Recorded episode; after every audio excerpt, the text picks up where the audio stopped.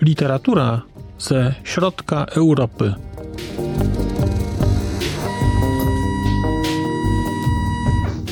Podcast około książkowy.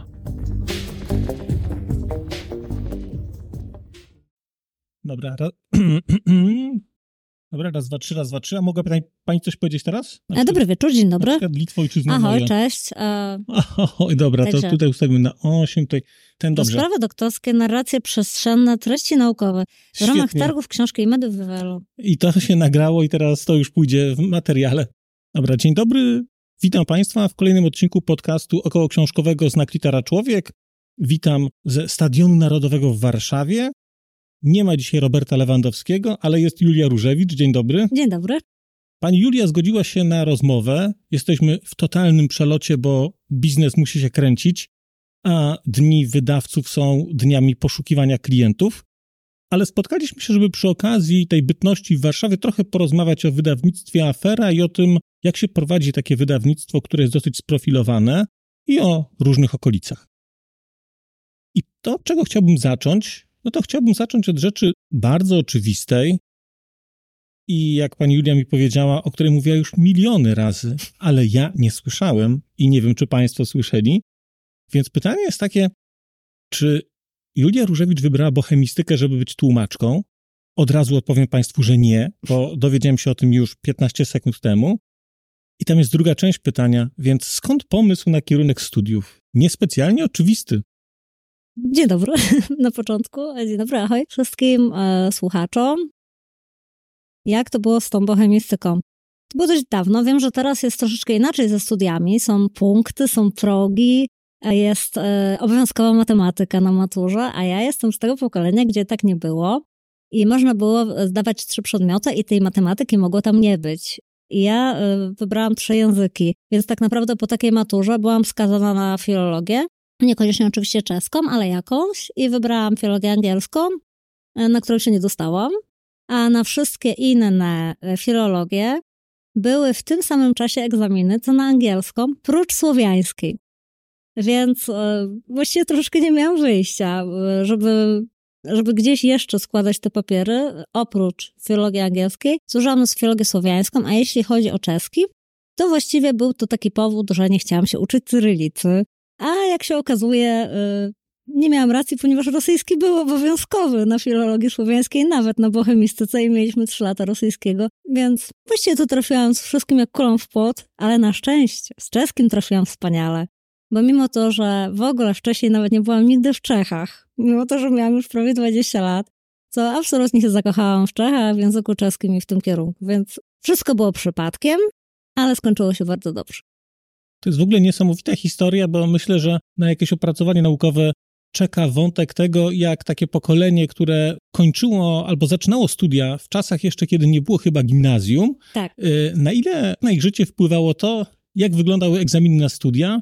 właśnie. Były No. egzaminy. Były egzaminy, mam wrażenie, że wypadało jednakowoż lepiej, gdyż ja mam syna, który ma lat 18 i wiem, że na przykład jakieś takie dziwne układy, co on wybiera na drugie, w drugiej klasie liceum, definiują później, gdzie będzie mógł, albo gdzie nie będzie mógł iść na studia. To Bardzo fascynujące. dobrze, bardzo dobrze pana rozumiem, bo mam syna, który właśnie w przyszłym tygodniu będzie pisał egzamin ósmoklasisty i e, już na tym etapie życia, czyli dziecko 13-14-letnie, musi wiedzieć, jakie profile wybierze w liceum, ponieważ to się wiąże z tym, na jakie pójdzie studia. Innymi słowy, 13-latek ma wiedzieć, kim będzie w życiu. Ale to ja to doskonale rozumiem, gdyż mam również córkę, która również w przyszłym tygodniu będzie pisać egzamin ósmoklasistki. No to Więc właśnie. ja znam te jasne. tematy, znam te tematy.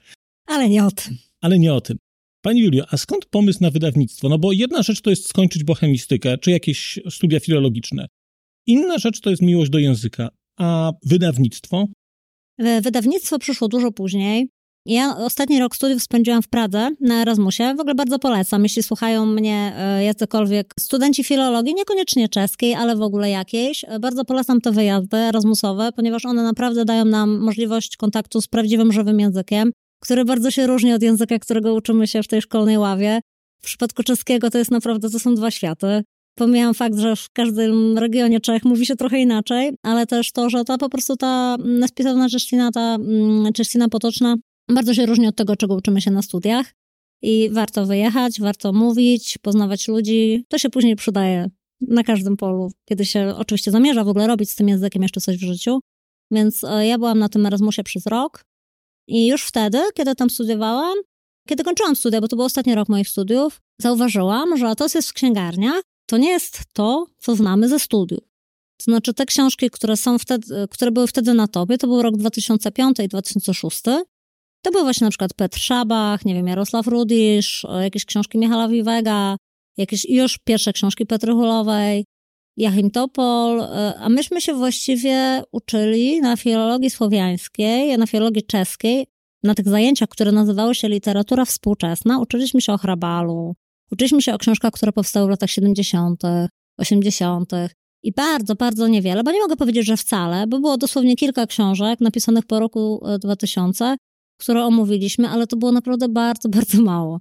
No i doszłam do wniosku, że ta literatura współczesna czeska jest bardzo ciekawa. Ja się właśnie wtedy zakochałam w Szabachu. Kupiłam sobie chyba wszystkie jego dostępne książki e, w Pradze, kiedy studiowałam. Potem o tym zapomniałam, poszłam do normalnej, jak to się nazywa, pracy na etat.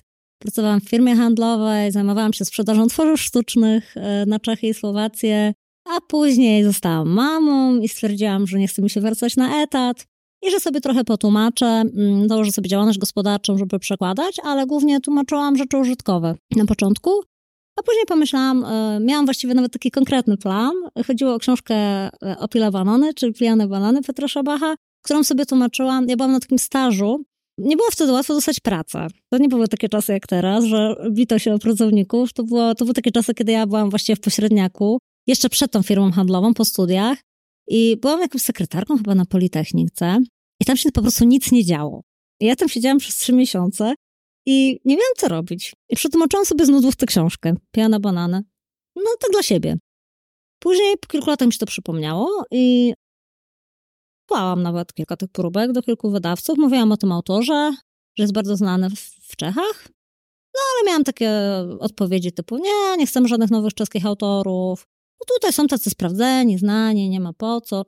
Później oczywiście wyskoczyłam z tytułem Gówno się pali, to już w ogóle nikt nie chciał, więc stwierdziłam, że może sobie daruję. No ale mam takiego wspierającego męża, który mi powiedział, że no to przecież jak nie chcą, żebyś tłumaczyła dla nich, to przecież dla siebie możesz. Spróbuj założyć wydawnictwo, spróbuj sobie sama to ruszyć, bo autor jest rzeczywiście przecież bardzo znany. No i jakoś to się potoczyło, że trafiłam naprawdę na wspaniałego człowieka, bo Petr Szabach, oprócz tego, że był bestsellerystą, był już wtedy E, przecież e, bardzo znany między innymi ze względu na film Pod jednym dachem, na film, no w ogóle na filmach Szabeka i Archowskiego, którzy z nim współpracowali. Książki Petra Szabacha w Czechach miały wszystkie swoje osobne półeczki w, e, w księgarniach. I taki człowiek, tak po prostu bardzo znany pisarz, pozwolił mi na to, żebym miała przetłumaczyła jego książkę i wydała jako pierwszą w ogóle w życiu, nie mając o tym zielonego pojęcia. No o przekładzie może trochę więcej, natomiast o wydawaniu książek nie wiedziałam nic. I on się na to zgodził. Osoba jakby tak znana i, i tak świetnie się sprzedająca w Czechach. I on się zgodził i wydawca się zgodził. I miałam po prostu mnóstwo szczęścia, bo nie musiało się to tak potoczyć, ale się potoczyło właśnie tak. Poznaliśmy się, on się zgodził. Nawet powiedział do mnie, no, ty jesteś mój człowiek, no, że jest, jesteś moim człowiekiem, że mam swoich ludzi w Polsce. Później powstało wydawnictwo Afera. I pierwszym naszym tytułem było właśnie Gówno się pali. Petra Szabacha.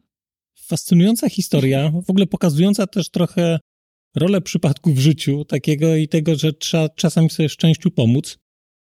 Ale wspomniała Pani o tej współczesnej czeskiej literaturze i ten, ten zwrot, współczesna literatura czeska, chyba się pojawia też na stronie afery. Jak Pani definiuje współczesność? Kiedy zaczyna się współczesna literatura czeska? E, ja mniej więcej staram się wydawać książki, które powstały po roku 2000, ale oczywiście są przypadki. Są od tego odstępstwa, jak na przykład Saturnin, czyli e, absolutna klasyka za 40. Ale tu muszę przyznać, że nie było to moim pomysłem, tylko pomysłem wydawnictwa Karolinum Praskiego, które bardzo chciało zrobić koedycję w Polsce. I ja się po prostu na to zgodziłam, ale sama z siebie raczej bym książki z lat 40. chyba nie wynalazła, bo staram się wydawać rzeczywiście to, co teraz się ukazuje. No z tym, że Petr Szabach jednak, to nie są książki, które powstały teraz. Przecież Gówno się pali, to też jest książka z końca lat 90. Niektóre są tam powiedzmy z 2001, 2002, ale jemu daje taką dyspensę, on nie musi być najświeższy. Dostaje te trzy dwa... lata w gratisie. Powiedzmy, że 2000 to jest taka granica dla mnie. Ale Nie ma reguły. Jeśli znajdę coś starszego, ja nie ukrywam, że mam też takiego jednego autora, który już dawno nie żyje i którego uwielbiam i którego chcę wznowić w nowych przekładach, ale nie będę na razie zdradzać, kto to jest, ponieważ mi się jeszcze nie udało do tego zdobyć praw. Więc e, zostawiamy to jako tajemnicę wydawniczą. A skąd są inspiracje? To znaczy, skąd pani wie, co wydawać? Bo poza tym, że ma się oczywiście swoich autorów, z którymi ma się jakieś relacje, jakieś podpisane umowy, ma się swoją stylistykę, mniej więcej wiadomo, jak kto pisze, no ale są też osoby nowe. Jak to jest? Śledzi pani rynek wydawniczy czeski? No bo najbardziej oczywista jest ta magnezja litera, książki do niej nominowane, ale jak to wygląda z pani perspektywy? W Czechach funkcjonują nieliczne, ale bardzo aktywne i bardzo dobrze zorientowane osoby, agenci, literacy. Właściwie są to trzy osoby, jedna z nich nie mieszka nawet w Czechach, ale ci agenci skupiają się na tym, żeby podrzucać wydawcom zagranicznym wszystkie nowinki. Wysyłają je albo w PDF-ach, albo pytają, czy chcemy dostać papier. I naprawdę działają bardzo sprawnie i mają pod sobą właściwie większość czeskich współczesnych pisarzy. Oprócz tego y, bardzo dobrze działają wydawcy sami, którzy na przykład jeśli już wydałam coś od nich w Polsce, to kiedy tylko pojawia się coś, co ich zdanie mogłoby mnie zainteresować, to też od razu dają mi znać, też od razu wysyłają mi właśnie czy w PDF-ie, czy w jakimś e-booku te książki.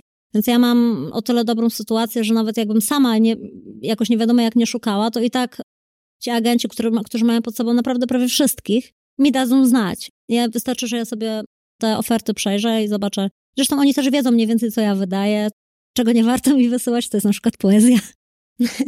Albo y, jakieś, e, właściwie literatury faktu ja z wielką chęcią bym wydała, ale po prostu jej za bardzo nie ma w Czechach. Także to jest inna sprawa, to na, in, na inną audycję.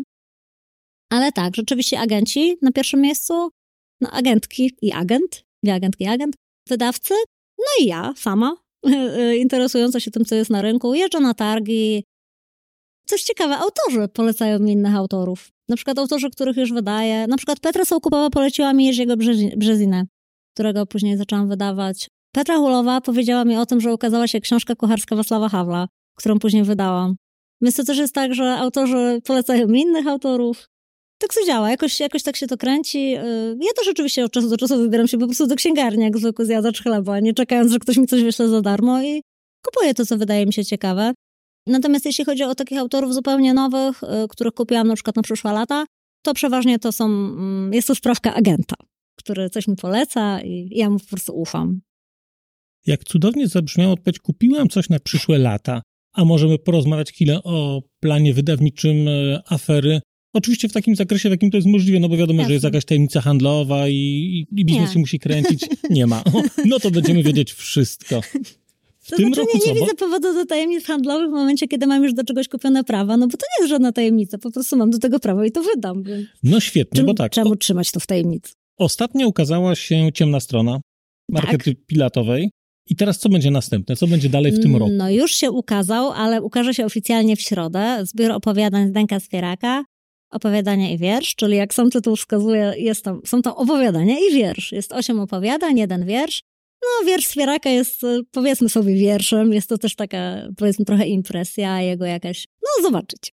Mm, w każdym razie jest to coś, na co bardzo długo czekałam i co musiałam sobie naprawdę wychodzić, bo Zdaniek Swierak, jak wiadomo, nie jest postacią anonimową, ani y, jakimś e, człowiekiem, do którego jest łatwo dotrzeć, bo było trudno dotrzeć, było trudno się nawet dogadać, mówiąc szczerze, ale się udało. Bardzo się z tego cieszę. Ponieważ Zdeněk Swierak jest właściwie już być może jedynym żyjącym pisarzem, który pisze w tak zwanym starym stylu. Petr Szabak był y, dużo bardziej niż on, bo przede wszystkim był pisarzem po prostu, a wiadomo, że Swierak y, działalność pisarską uprawia bardzo, bardzo na boku. Jest głównie aktorem, reżyserem, scenarzystą. A możemy powiedzieć, co znaczy w starym stylu? W starym stylu to znaczy dokładnie to, co sobie e, mniej uświadomione osoby, nie pochodzące z Czech, wyobrażają pod pojęciem czeskiej literatury. Czyli tak, będzie śmiesznie, będzie słodko-gorzko, e, będą może wspominane czasy minionego reżimu, będzie może jakieś piwko. Stary styl, właśnie typowo słodko-gorzki, to jest właśnie Swierak, to jest Szabach, e, to jest oczywiście Hrabal, tylko że Hrabal był jednak rzadziej śmieszny niż, niż nieśmieszny. A na Szabach stara się być jednak częściej śmieszny, a Sfierak jest, jeśli miałabym powiedzieć, jeśli chodzi o tą słod słodko-gorzkość, to chyba tego gorzkiego też jest więcej. Chyba tak, ale E, jednak, tak jak on w jakimś wywiadzie powiedział, że ponieważ jest bardzo popularny audiobook z tymi opowiadaniami, ktoś mówił, że bardzo lubi przed snem słuchać tych opowiadań, bo wie, że nigdy nie wydarzy się nic złego. A to jest piękna, e, taka, no nie chcę powiedzieć, że reklama, ale piękne podsumowanie czegoś, jeżeli E, tak ja chciałam powiedzieć. powiedzieć, że to chyba nie do końca jest prawda, bo tam jest jedno takie opowiadanie, w którym dzieje się rzecz, no powiedzmy przewidywalna i normalna w życiu, ale jednak smutna. No ale to się zdarza, to Tak. się zdarza. No dobrze, ale to jest ta najbliższa książka, a kolejne, bo była mowa o latach wszak. A, no to proszę bardzo, no to jeśli chodzi, no w ogóle zachęcam do śledzenia naszych stron. Na stronie afery jest zakładka zapowiedzi, gdzie zapowiedzi są do końca roku i my rzeczywiście się z tych zapowiedzi wywiązujemy. To znaczy wiem, że wiem skądinąd, że nie, nie zawsze tak jest, że czasami zapowiedzi są mrzonką, u mnie one są raczej prawdą. Jeśli chodzi o ten rok, to mamy w planie, jeśli chodzi o lato, e, kolejną część przygód e, Wielkiej Sowy, czyli Śledczej Wirowej e, w serii Ołomonieckiej Michala Sikory. To się nazywa Pięć Martwych Psów i jest to kryminał, oczywiście w serii czeskiej krymi. Następną książką, którą wydam, będzie zupełnie nowa autorka. E, Również będzie to seria czeskie krymi, chociaż tak naprawdę nie do końca jest to kryminał. Jest to taka książka, którą w Czechach reklamowali coś pomiędzy powieścią po prostu, powieścią, właściwie to można, to się nazywa coś jak historical crime fiction. Czyli mamy kryminał, ale jest tam mnóstwo, bardzo mocne tło historyczne i rzeczywiście nie będę zdradzać zbyt wiele, mogę tylko powiedzieć, że książka nazywa się po czesku Prameny Woltawy. Nie wiem jeszcze, jaki tytuł e, tłumaczka Agata Wrubel wybierze e, na naszą polską, ponieważ źródła Wełtawy mogą nie do końca wskazywać na to, o czym to jest. Autorka nazywa się Petra Klabochowa. Jest bardzo dobrze zapowiadającą się czeską oczą pisarką. Już ma na koncie właśnie dwa kryminały, takie w stylu historical crime fiction. Bardzo, bardzo mi się podobają i mam Ale- nadzieję, że wam też. Ale te wątki historyczne, to tu mówimy o okresie, nie wiem, e, dwudziestolecia, o okresie II wojny światowej i komunizmu, a chodzi konkretnie o, o tajny obóz koncentracyjny, który był na Szumawie. to już zostawmy, super, wiemy, że mówimy tu o najbardziej interesującym okresie, tak. przynajmniej prowadzącego ten podcast. tak, ale przede wszystkim świetna też historia kryminalna i bardzo dobrze połączone te wątki, bo to też nie zawsze się udaje, a tutaj naprawdę się udało i no bardzo się cieszę, że udało mi się tę książkę pozyskać, bo byli też inni chętni. No ja słyszałem od e, Agaty, że również bardzo walczyła pani o to, żeby się ciemna strona ukazała. Jak to? W jakim sensie? To coś... No bo wiem, że byli też inni chętni na wydanie ciemnej strony w Aha. Polsce. To, a, że może rzeczywiście? Teraz już może to wyparłam, bo to było dosyć dawno, kiedy kupowałam to prawo akurat do Sensibila. Czyli do ciemnej strony, tak, tak, też walczyłam. Walczyłam o Szyndelkę, no czasami wiecie, no jednak jest też trochę tych wydawców literatury czeskiej w Polsce i czasami się musimy trochę pobić. Chciałam jeszcze wspomnieć o tym, co się ukaże pod koniec roku, bo wiem, że wiele osób na to czeka. Będzie to jedyna jak na razie powieść Marka Szyndelki, Unawa materiału, czyli zmęczone, zmęczenie materiału. I to jest taka powieść uchodźcza, można tak powiedzieć. To jest jedna, właściwie pierwsza chyba czeska powieść uchodźcza. Powstała pod wpływem tego pierwszego kryzysu imi- imigracyjnego, czyli w 2016. I okazuje się niestety, że teraz jest jeszcze bardziej aktualna niż była wtedy. Nic się pod tym względem nie zmieniło i jest to świetnie napisane z perspektywy y, chłopca uciekającego do nieokreślonego państwa w Europie Środkowej, bardzo niegościnnego miejsca. Historia bardzo polecam. Wiem, że czekacie na nowego Marka Szindalka, więc myślę, że czytelnicy też nie zawiodą. A co, dalej mam mówić, co będzie też, tak? W No bo rozumiem, latach? że w bliżej nieokreślonej przyszłości, ale jakieś, będzie też e, nowa powieść Katarzyny Tuczkowej, czyli Wila Woda. Tak, będzie tak. Dobrze, że pan mówi bliżej nieokreślona przyszłość. Nie, no ona jest określona. Y, Zapowiedź nieoficjalna była na rok 2024. Na razie nie mamy żadnych powodów, żeby to zmieniać i myślę, że to się uda. Prawa również są kupione do najnowszej powieści Petry Sołkupowej, czyli Nigdy ona nie sam. Prawa kupiliśmy do kryminału y, Franciszka Szmachlika, który teraz dostał magnezję w kategorii kryminał.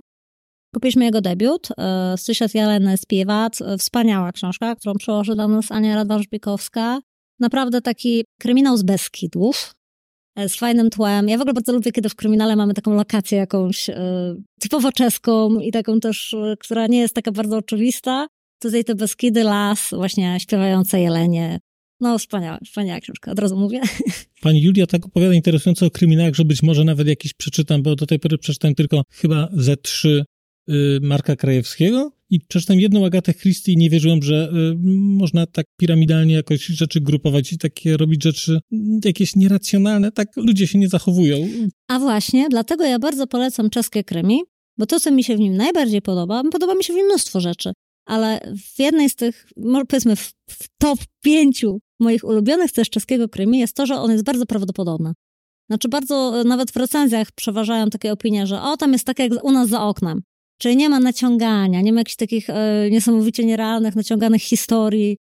Psychopata z siekierą siedział pięć lat, gdzie jest schowany, nagle wyskakuje. No nie, właśnie takie rzeczy się w czeskim krymi, przynajmniej tym, które ja wydaję, nie zdarzają. E, staram się trzymać poziom, ponieważ ja też tego nie lubię. I lubię, kiedy kryminał jest e, może mniej, mniej spektakularny, ale bardziej prawdopodobny. I tak właśnie jest w tym czeskim krymi. E, co jeszcze kupiłam? Kupiłam prawa, o, to jest, to będzie zupełnie nowa postać. Mm, autorka nazywa się Zuzana Żichowa, a książka się nazywa Cesto szpandliku jehel, czyli Drogą mm, szpilek czy igieł. A jest to książka, muszę wam powiedzieć, bardzo, bardzo specyficzna, która reprezentuje taki gatunek, który ostatnio w Czechach stał się popularny, a jest czymś zupełnie chyba dla Czechów nie do końca typowym.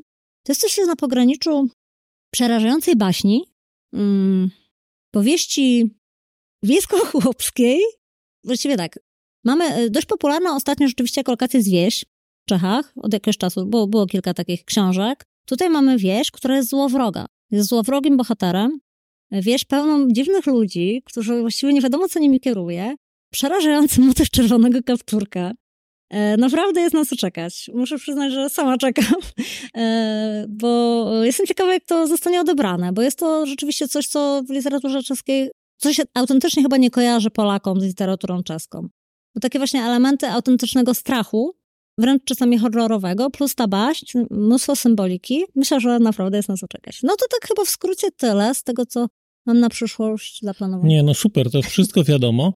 I tak naprawdę ten pasaż o Krimi wydaje mi się, że jest dobrym początkiem pytania o to, co sprawia, że czeska literatura jest w Polsce popularna. Bo o ile było to pokolenie tych pisarzy, jak to pani powiedziała, tych bardziej klasycznych, tych, przez których także ja zainteresowałem się czeską literaturą, no bo u mnie akurat to był Józef Szkworecki. No to jest rzeczywiście tak, że potem człowiek zaczyna sięgać po innych i okazuje się, że oni są rzeczywiście inni, ale to nadal tak. jest bardzo interesujące. Co z pani perspektywy, po tym już dosyć długim czasie prowadzenia wydawnictwa, jest takiego, jak pani patrzy, co czytelników w Polsce do tej literatury czeskiej przyciąga, poza piwem i knedlikami? No właśnie to jest, e, to nie jest pytanie, na które da się odpowiedzieć jednoznacznie i w jednym zdaniu, dlatego że nawet obserwując klientów, stałych klientów targowych, bo wie pan, w momencie, kiedy ja sprzedaję książki, nie wiem, przez hurtownię, czy przez internet, czy po prostu ta sprzedaż taka niebezpośrednia, to ja tak naprawdę nie wiem, kto te książki kupuje. Ja mogę tylko wiedzieć, co kupują.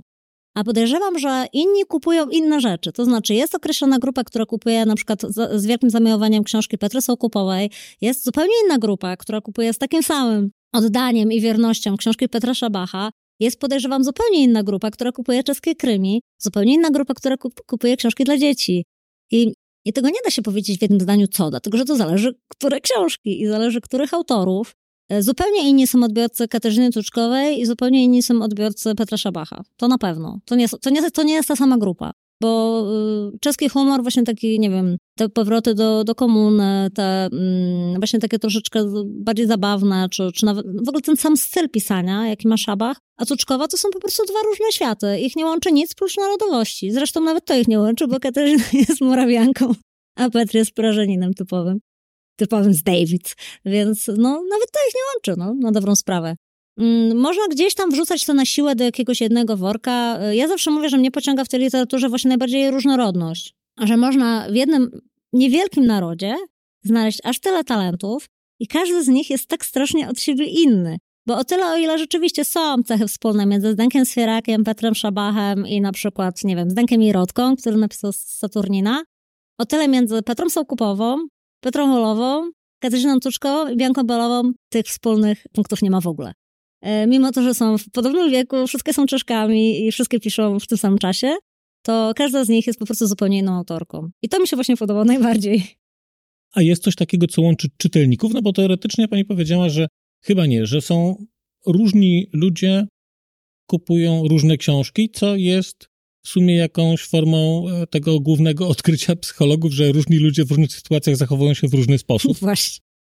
Ale jest tak, że jak pani patrzy na to na przestrzeni lat, że, nie wiem, skończyła się na przykład jakaś moda i że teraz się mniej kupuje czeskiej literatury? Lepiej już było? Czy jest po prostu cały czas tak samo? Czy to się w ogóle wymienia? Jak to wygląda? To się zmienia pod tym względem, że y, skończył się, myślę, że, znaczy nie tyle skończył, bo to literatura, o której mówi, mówiliśmy na początku, czyli ta typowo czeska, czyli właśnie z humorem i z piwkiem, ona wciąż ma swoich fanów i ich jest nie, niemało. Natomiast otworzyły się po prostu nowe drogi, otworzyły się też ludziom oczy na zupełnie nowych autorów. Takich właśnie jak na przykład autorzy kryminałów, gdzie czeskie krymi, yy, nieskromnie powiem, wprowadziłam po prostu do Polski, dlatego że, yy, nie mówię, bo w latach 80. pojawiały się na przykład jakieś książki Szkwareckiego, które miały znamiona kryminału, ale to nie były takie typowe kryminały. W ogóle wtedy nie było tego gatunku tak jak teraz się go pisze. I on się bardzo spodobał osobom, które zupełnie nie interesują się na co literaturą czeską, tylko po prostu czytają kryminały. I mogę powiedzieć, co w, ty, w tym gatunku właśnie jest wyjątkowego, bo wszyscy wskazują, i to są właśnie osoby, które nie są czechofilami, tylko to są po prostu osoby czytające kryminał. I one wszystkie wskazują trzy cechy. Właśnie to, że, to, że, to, że one są bardzo mało brutalne, jak na kryminał. I to jest im plus, że nie ma takiego epatowania flakami, gwałtem, że są właśnie prawdopodobne, że jest w nich trochę humoru i że są bardzo dobrze napisane literacko. Co, jak się okazuje, w tym gatunku nie musi być oczywiste. A to świetnie, że pani mówi, bo ja nawet kilka mam w domu i to nawet o. kilka z afery, ale jeszcze nigdy nie miały szczęścia, żeby trafić do ręki, bo to jakoś tak zostały nabyte, a że ta półka, półka czeska jest u mnie dosyć długa i tam jest konkurencja zażarta, to krymi jakby z natury jest na końcu. Pan lubi historię, z tego co zauważyłam mm. w mhm. podcaście o wypędzeniu Gercysznicz, więc polecam może na początek Przedawnienie Jerzego Brzeziny, ponieważ ma tam wątki historyczne no taka rekomendacja od szefowej takiego wydawnictwa, no to teraz y, nie ma odwrotu, będę musiał przeczytać. A zainteresowało mnie jeszcze to, co pani mówiła o tej literaturze faktu, bo kiedy byłem ostatnio w Czechach, to całkowicie przez przypadek akurat jadąc y, y, do Cieszyna konkretnie, słuchałem audycji, to była rozmowa chyba Lucji Wybornej z takim czeskim tłumaczem literatury angielskiej. On chyba dostał magnezję literę za przekłady Szekspira. I tam była wspominana książka, która się nazywa chyba Szekspirowa Anglii. To jest to misko takie wielkie i to jest podobno jakieś opus magnum. Ja to sobie kupiłem, ale jeszcze nie rozfoliowałem, ale to ma jakieś, tak na moje oko, 800 stron i to jest jakieś takie opus magnum, jeżeli chodzi w ogóle o elżbietańską Anglię, z perspektywy napisane drama to pisarza, z perspektywy osoby, która się zajmuje też historią literatury, ale wydaje się, że bardzo interesująca i ciekaw byłem, kto to w Polsce może wydać, ale to byłoby coś, gdyby to się okazało w ogóle. No. E, my niestety mamy tylko jeden reportaż, właściwie nawet go już nie mamy, bo, bo on nam się skończył. I mam spore problemy z przedłużeniem licencji, chociaż bardzo, bardzo chcę ją przedłużyć. A jest to Roman e, Cilek i ja, Olga Hepnarowa, czyli reportaż o ostatniej Czeszce, która została skazana na karę śmierci. Spektakularnym wjechaniem e, ciężarówką w przystanek tramwajowy pełen ludzi. Mamy też film. Polka zagrała Olgę Hepnarową, więc rzeczywiście ten reportaż się świetnie sprzedał. I on jest bardzo dobry i on ma bardzo dobre recenzje w Polsce, ale yy, jakoś tak dzięki temu filmowi na niego trafiłam, ponieważ jakoś yy, z producentami miałam kontakt a y, jeśli chodzi o reportaż, kiedy nawet specjalnie idę do księgarni i pytam o reportaże czeskie i na targach dopytuję, to naprawdę to są pojedyncze sztuki, które są mi polecane, bo Czesi zawsze mówią, my czytamy wasze reportaże. No to ja to słyszałem, o, te, te historie opowiadają e, panowie z wydawnictwa Absynt, że no, ale jest... oni to opowiadają w wiadomym celu, a ja to mówię zupełnie bez celu, bo to jest po prostu prawda, oni mi naprawdę tak odpowiadają, że my czytamy wasze reportaże i a no, no tak no, za bardzo nie piszemy reportaży. Mhm. Dobrze, pani Julio, bardzo dziękuję. Nie wiem, czego się życzy wydawcy.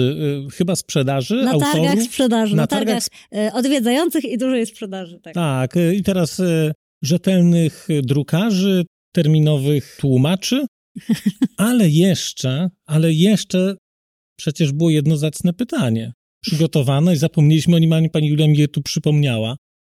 Bo jest tak, że jak sobie, szanowni słuchacze, spojrzą na mapę polskich wydawnictw y, publikujących rzeczy czeskie, no to mamy aferę, mamy książkowe klimaty, mamy Amaltę, mamy Starą Szkołę i wszystkie te wydawnictwa łączy to, że są z Wrocławia. No nie do końca, bo Stara Szkoła, no to Mirek mieszka pod Brnem, a wydawnictwo się mieści w Wołowie z tego, no ale Dolny Śląsk, tak. Dolny Śląsk. Tak. Co jest takiego, że w tym miejscu to się tak zebrało?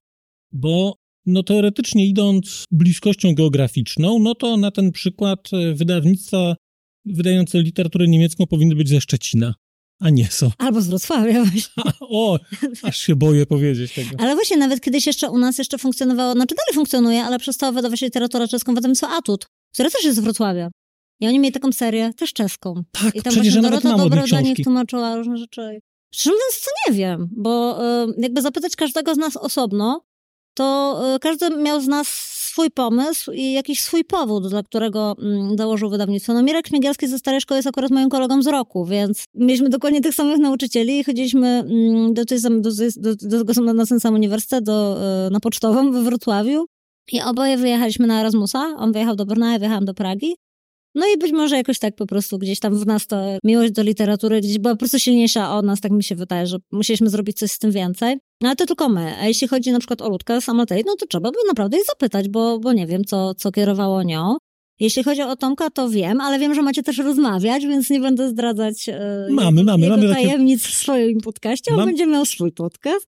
Ale wiem, że to chyba też nie do końca był jego pomysł, bo też wcześniej był Marcin Skrapka, który z nim się połączył i on właśnie tą czaską jakoś... A dlaczego? Przecież nie wiem. No bo jest to ciekawe, po prostu. No, tak, czy- naprawdę, wydaje mi się, że to jest jednak przypadek, dlatego że yy, nie wydaje mi się, żebyśmy mieli takie same motywy, bo jesteśmy zupełnie innymi ludźmi i każdy z nas miał pewnie inny powód, ale ta y, bliskość geograficzna na pewno ma znaczenie. Ja się zastanawiam, czy to nie jest bliskość geograficzna i być może jakaś siła uniwersytetu chociażby i ludzi, którzy tam pracują. Natomiast no, to jest perspektywa osoby, która jest całkowicie spoza świata bohemistyki i spoza świata Dolnego Śląska, więc być może to jest nadinterpretacja. Chyba bym w tę stronę nie szła, o, uniwersytecką, dlatego że jednak tutaj, i w, i w moim przypadku, i w przypadku właśnie Mirka, to jednak ten wyjazd bardziej niż y, bycie na miejscu to spowodowało. To raz, a dwa, że na przykład patrząc na tłumaczy, y, skąd jest najwięcej tłumaczy, to chyba jednak teraz ten UJ przeważa. Jeśli chodzi o dobrych tłumaczy literatury, to teraz chyba jest ich więcej stamtąd. Chociaż też się tak nie da powiedzieć, bo naprawdę oni są zewsząd. I na szczęście jest ich sporo. I, no i w ogóle to, co jest wspaniałe, co mogę Państwu powiedzieć, bo się bardzo z tego cieszę, że mamy teraz taką sytuację na rynku, idealną dla czechofilii, ponieważ naprawdę mm, dostajecie wszystko, właściwie wszystko, co się ukazuje w Czechach wartościowego, możecie już przeczytać po polsku w dobrych przykładach, zróżnicowanych, dlatego że tych tłumaczy jest sporo i, i to jest dobry poziom. I różne, różne gatunki. Możecie czytać powieść historyczną, humor, poezję już teraz, książki dla dzieci, kryminały. Gdzie kiedyś, kiedy ja jeszcze byłam na studiach, naprawdę na półkach jak ktoś kupił jakiegoś Vivega, to był cud, bo był dosłownie chyba tylko Vivek wydany ze współczesnej literatury, może była siostra Topola i tyle? Nie wiem, czy Pawłowska, może jakąś Pawlowska, ta Halina, jakaś jedna książka się chyba ukazała. Naprawdę nie było prawie nic. A teraz to wszystko, co się ukazuje w Czechach, jest naprawdę prawie momentalnie po polsku. Jesteście w wspaniałej sytuacji. No tak, ale tak powiedziałbym, że jak powiemy sobie, że ta współczesność zaczyna się 20 lat temu, Mhm.